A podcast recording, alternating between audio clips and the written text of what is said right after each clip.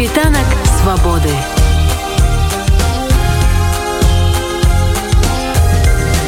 Świt wolności.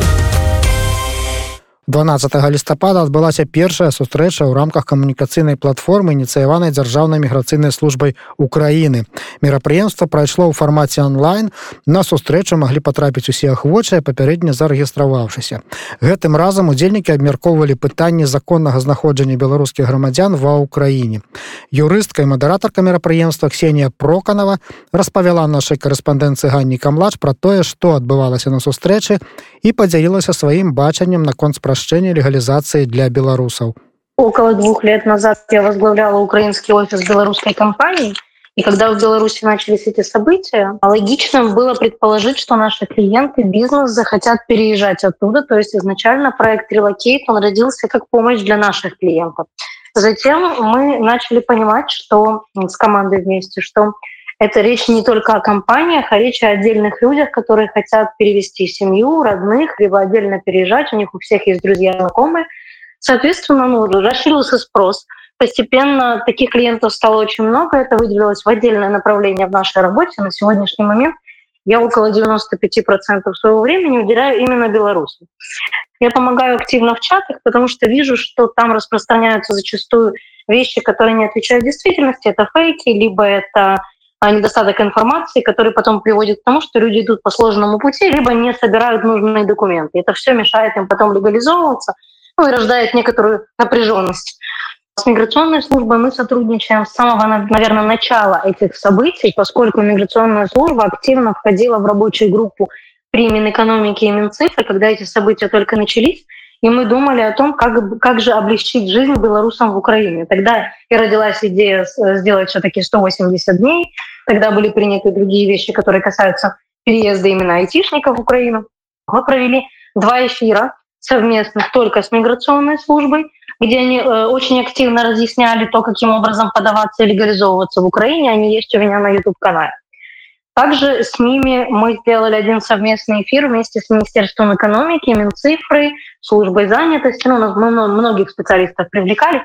Поэтому это не первое такое сотрудничество касательно про эту коммуникационную платформу. Ее инициаторами были миграционная служба и пригласили меня выступить модератором этого собрания по Беларуси. Я могу сказать, что ценность этой платформы еще и в том, что ее организовывают не общественные активисты, не правозащитники, не юристы, адвокаты, как я, а именно миграционная служба. То есть это тот случай, когда госорган сам понимает, что есть необходимость уделять время такой коммуникации. Это очень ценно. Сейчас миграционная политика соответствует тем требованиям, которые к нам выдвигают европейские организации. И преференции по отношению к белорусам и так есть. Разговоры, которые ведутся, допустим, в чатах, они ведутся к тому, чтобы сделать еще больше преференций по отношению к другим иностранцам. Возьмем, к примеру, граждан Российской Федерации, которых очень много, среди родственников украинцев, ну, естественно, да, как и в ту сторону. Они здесь находятся 90 дней. То есть они за 90 дней, по сути, успевают то же самое, что белорусы за 180 все это время, что я работаю, очень многие белорусы просрочили свой срок пребывания здесь а, и достаточно лояльно продлевались до последнего времени, когда уже просто ну, количество, знаете, людей с просрочкой, например, там в год уже превысило какие-то нормальные цифры и уже стали более внимательно относиться к документам. Так очень лояльно относились, если это были граждане Беларуси, им спокойно продлевали просто с стандартным пакетом документов, по сути, без причин. Но, конечно же, преференции есть, их не так много, как, возможно, хотят белорусы. Просто здесь вопрос в чем? Нужно понимать, что либо меняются все эти правила, они меняются для всех иностранцев в Украине, либо же мы их оставляем одинаковыми. Не совсем понятно, почему они должны меняться только в отношении определенных э, категорий. Я приведу пример. Допустим, есть такие страны, как Казахстан, и когда сюда приезжает человек с гражданством Казахстана, он может находиться здесь на протяжении 90 дней, как и, допустим, граждане Российской Федерации. Как только он захочет легализовываться, ему нужно будет выехать из страны, пойти в посольство консульства Украины и получить визу D по четким основаниям. Я привожу пример, что на сегодняшний момент существует большое количество иностранцев в Украине, которых правила гораздо строже, и тем не менее они все успевают. Я хочу обратить внимание на интересную тему, которую я считаю, что стоило бы поменять, и вот это то, на что, наверное, вот сейчас нужно было бы направить усилия, и что сразу бы отразилось на большом количестве подач ну, на легализацию. Это вопросы прописки. Они не лежат в видении э, миграционной службы, Но было бы неплохо, если бы у нас был бы уведомительный характер, когда вы, например, с договором аренды могли бы указывать ваш адрес как временный во всех э, госорганах, и везде бы он учитывался. То есть вы уведомляете, не спрашивая хозяина. На сегодняшний момент у нас процедура предполагает только согласие хозяина. Большое количество украинцев не знает, что это такое, инстинктивно побаивается все-таки иностранцев. И большинство думает, что очень сложно будет этих людей выписать потом. Ну и плюс это затраты времени. Соответственно, у людей появляется необходимость покупать эту прописку, и зачастую они это делают в массовых адресах. А массовый адрес — это ну, одно из распространенных оснований для отказа. Обсуждали на самом деле интересные вещи. Перед э, тем, как проводить платформу, где-то за, наверное, две недели собирали вопросы, делали аккредитацию для того, чтобы смогли принять участие представители организаций, инициативных групп и так далее. Скажу честно, подано заявок было не очень много. Всем, кто зарегистрировался, мы предоставили возможность присоединиться.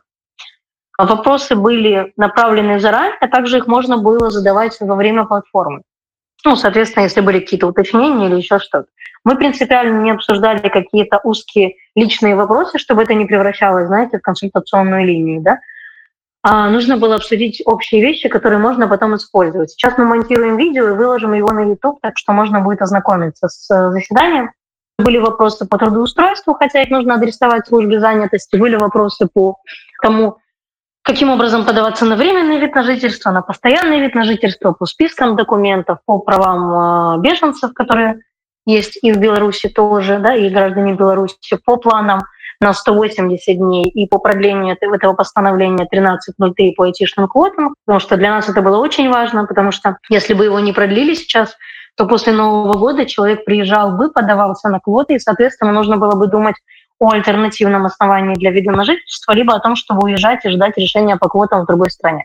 То есть это все дополнительные расходы. Эту норму продлили, поэтому можно ею пользоваться дальше.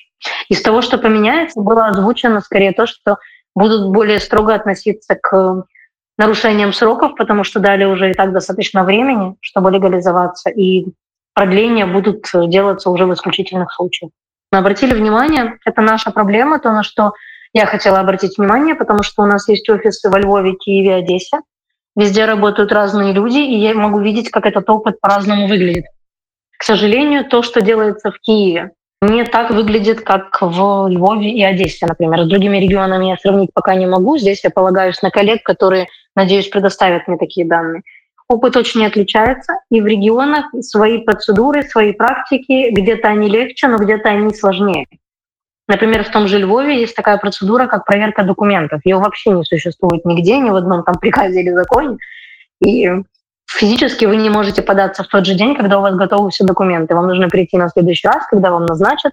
Всего за день принимают 4 человека. Это очень долго, мучительно и растягивает сроки. Сейчас мы будем собирать этот опыт и обращать на него внимание в миграционную службу в Киеве для того, чтобы они уже провели какие-то свои внутренние разъяснительные работы, возможно, какой-то семинар.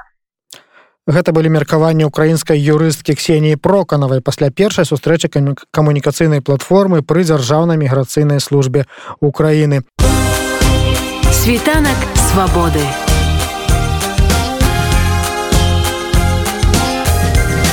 Świt wolności.